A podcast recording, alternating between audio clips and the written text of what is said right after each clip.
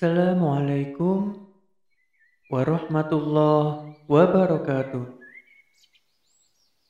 Sobat Suwandu Podcast yang disayang Allah, setelah di episode yang lalu kita mendengarkan cerita bagaimana pernikahan Muhammad dengan Khadijah.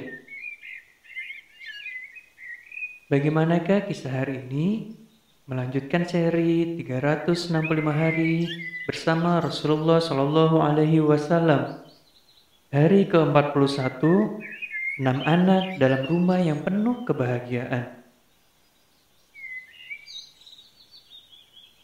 Ada aura kegembiraan, kasih sayang, dan kejujuran dalam rumah Muhammad dan Khadijah. Muhammad dan Khadijah saling memperlakukan satu dengan lainnya penuh kasih sayang dan hormat. Jadi kebahagiaan pun tidak pernah pergi dari rumah mereka. Seiring berjalannya hari-hari yang indah, Allah menganugerahi mereka dengan enam orang anak. Pertama lahirlah Qasim, kemudian Zainab, kemudian lahir pula Ruqayyah, Umi Kulsum, Fatimah, dan Abdullah. Semua berjumlah enam anak, masing-masing sangat manis. Karena mereka rumah Muhammad dan Khadijah penuh dengan kebahagiaan. Anak-anak yang berbudi luhur dan penuh hormat itu mendapat limpahan kasih sayang. Mereka sangat mulia seperti ibu mereka Khadijah.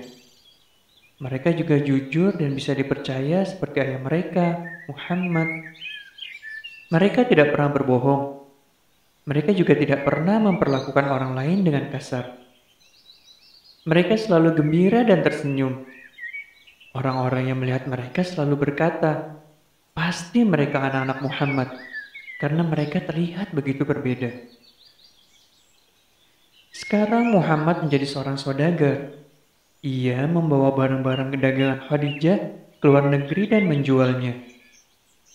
Ia mendapatkan banyak keuntungan saat kembali lagi ke Mekah.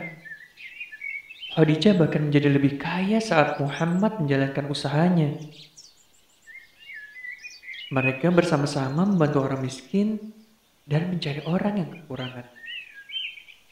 Walaupun kaya raya, mereka hidup dengan sederhana. Meskipun hanya merupakan salah satu rumah di negeri Mekah, rumah mereka berbeda dari yang lain. Rumah itu bersih dan hangat. Manusia di bumi dan para malaikat di langit memandangnya dengan penuh kekaguman. Demikianlah kisah bagaimana suasana rumah Muhammad dan Khadijah setelah pernikahan mereka.